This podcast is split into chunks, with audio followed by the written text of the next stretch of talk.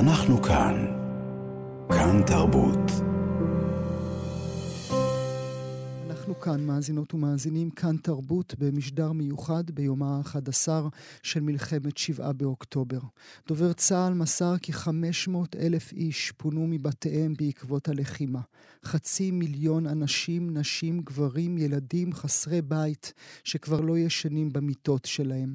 נדבר כעת על מצבם הנפשי, וגם, אם נרשה לעצמנו, על צחוק והומור שיכולים להקל, ולו לרגע.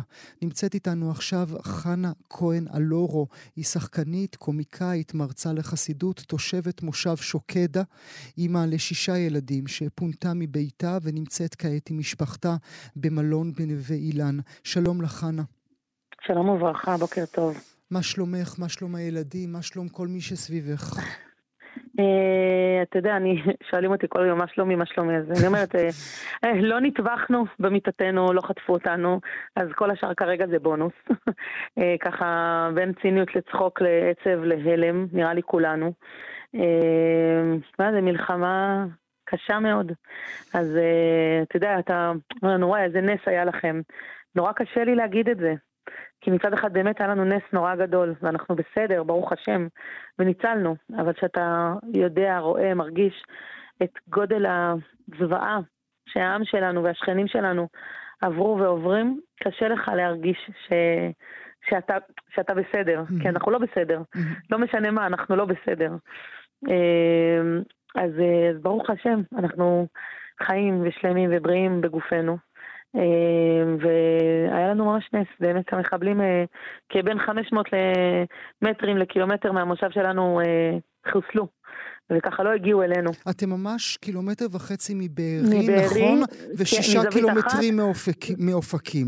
לא, אופקים מילא, אנחנו, אופקים זה עוד יותר רחוק, אבל אנחנו בעצם, המושב שלנו נמצא בעצם בזווית אחת לעזה לבארי, של קילומטר וחצי, ובזווית השנייה, כאילו כזה קצת יותר אה, דרומית, אנחנו בעצם לרעים ואורים. Mm. אז בעצם אנחנו שומעים את היריות מראי הימורים מהמסיבה, הגיעו אלינו בעצם בשבת ניצולים מהמסיבה שרצו ברגל עד אלינו. ו... דפקו אצלך בדלת? אצלי לא, אבל אצלי היה, אצלי לא הגיעו למשפחות אחרות, אבל אה, אצלי הכל היה מוגף וסגור. אפשר להניח שהם לא הבינו מי זה הצעירות והצעירים לא. האלה בכלל. תראה, מי שלא פתח טלפונים, מי שלא הבין את גודל המצב, והיו לא מעט כאלה מסתבר, לא הבינו מה קורה בכלל. אמ, אז זה ממש, אני פוגשת את החברות שלי אחר כך במלון וזה, ואנחנו מתחילות לדבר, ואני פשוט מבינה שממש לא, לא כולם הבינו שפרצה מלחמה. זאת אומרת... כי אה, את למרות היותך אישה דתית, בכל זאת פתחת את האמצעים האלקטרוניים. לחלוטין.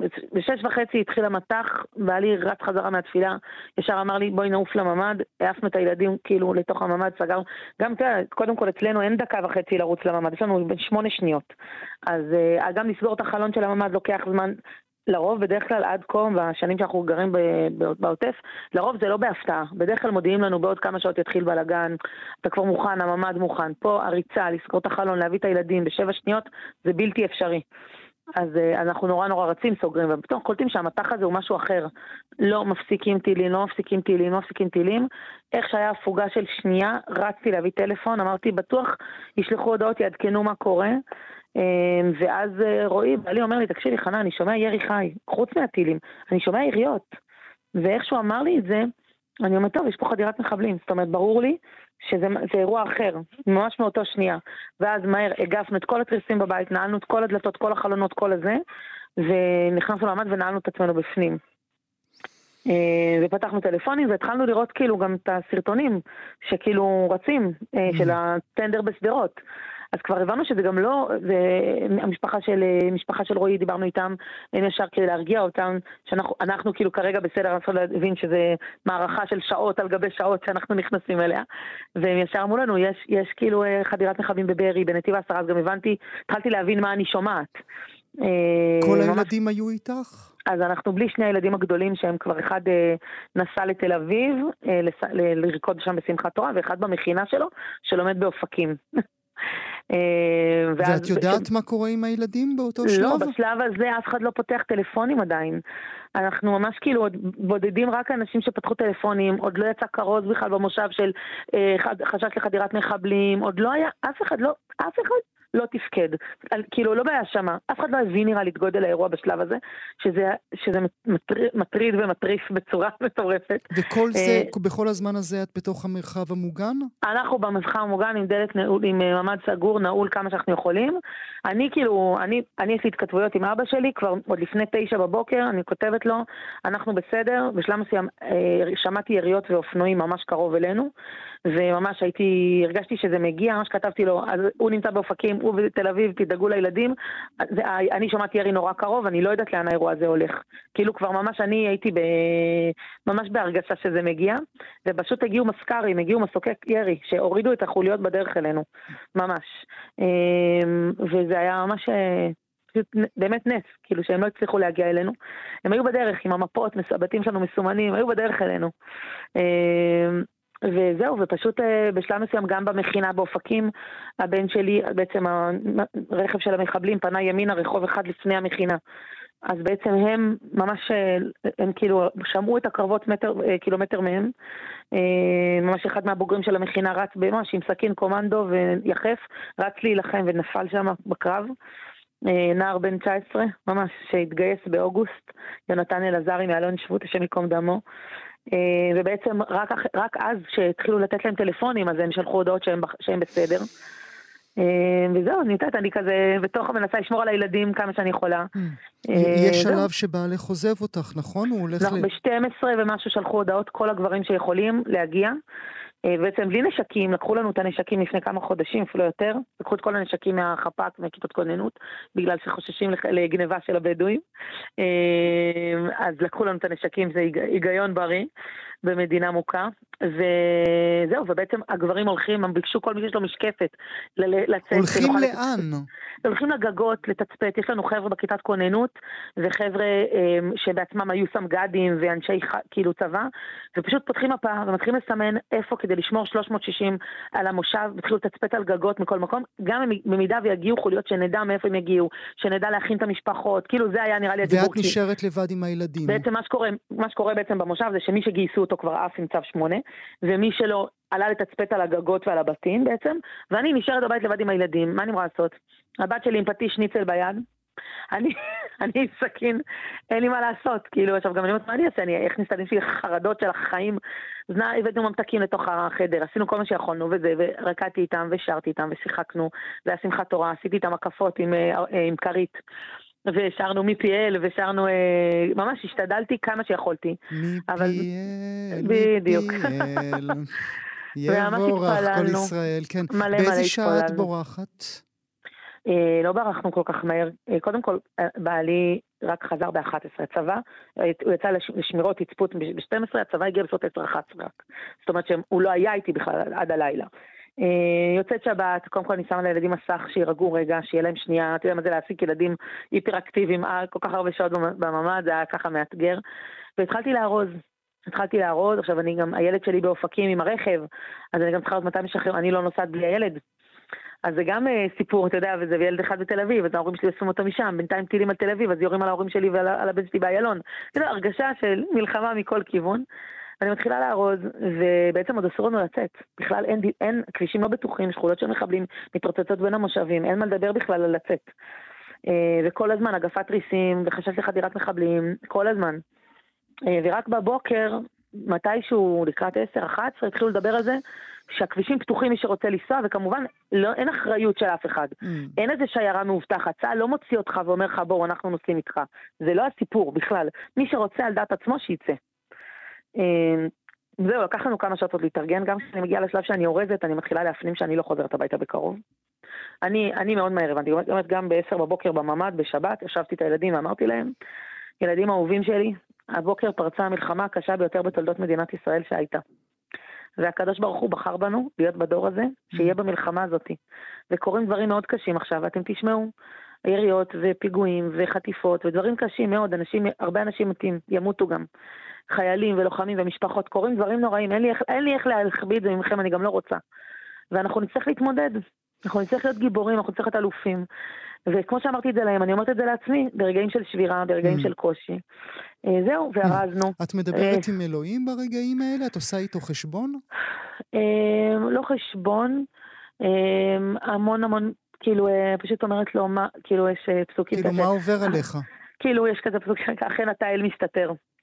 והשם קינאפת בי. בגדת בי. לא שבגדת בי, אבל כאילו הרגשה כזאת ש... שכאילו, הכי נורא אני אומרת את זה, אנחנו מבקשים שתהיה לנו סייעתא דשמיא בעשייה שלנו, שתהיה לנו ברכה. אני מסתכלת על מה שהם עשו והצליחו. אומרת, וואי, היה להם ממש סייעתא דשמיא, כאילו, אתה נתת להם. Mm. אתה נתת להם את הכוח להשחית אותנו. Mm-hmm. כן.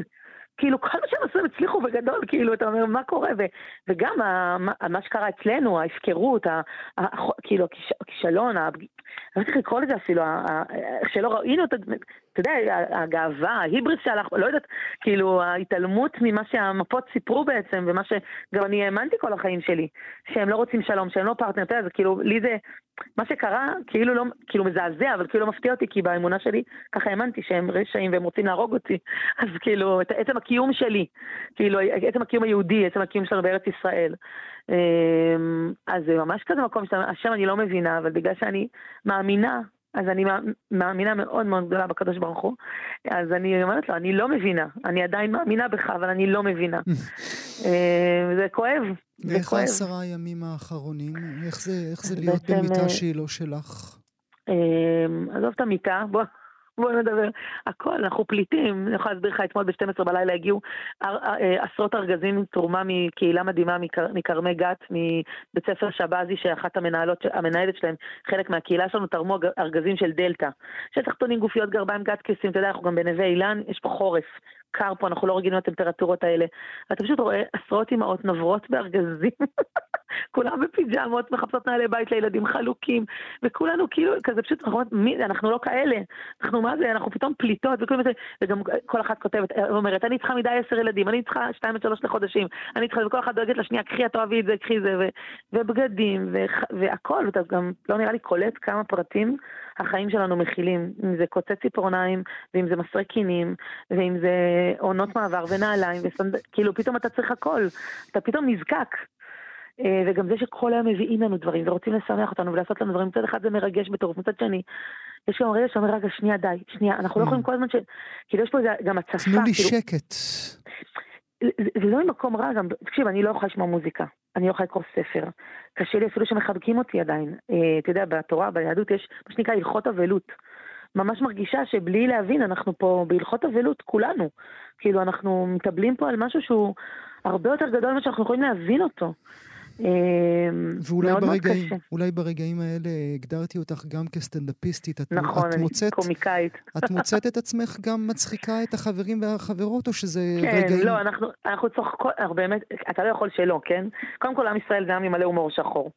וכי אין לנו ברירה אחרת. ולא, אנחנו צוחקות מלא בין לבין הטירוף. אני ממש מקפידה גם, שכמו שאני אה, רואה וקוראת דברים קשים וסיפורי גבורה וסיפורי אה, אה, משפחות שנרצחו כדי, כדי להיות מחוברת ולדעת, אני מקפידה גם לקרוא סיפורי גבורה וגם לראות את הסרטונים המצחיקים שיש בטיקטוק ובא, ובאינסטגרם שמריצים דברים ובדיחות שיש לעולם, כדי לשמור על איזשהו איזון. אבל גם פה אנחנו יושבות ושמע, פחמימות בכמויות, כולם, וניקויי רעלים, ואין דבר אין יותר נחמה מפחמימה ריקה, וצוחקות מלא, מלא מלא, והילדים מחורפנים, ושלב מסוים שאתה כבר, אתה פשוט אין, באמת, אתה כבר לא יודע מי אתה ואיך קוראים לך, אז צוחקות המון, משתדלות, אתה יודע, יש רגעים, אז זה קטע שהתיישבתי בלובי של המלון שבוע שעבר, והיה שם לחמניה עם שוקולד של אחד הילדים, ולא ראיתי, והתיישבתי, אז היא צועקת לי, חנה, הלחמניה, במסירות נפש להציל את הלחמניה, שאני לא אהפוך אותה לטוסט, ואז אני אומרת לה, מזל שלא ישבתי עליה, אני לא יושבת על פחמימות, את יודעת מה זה עושה?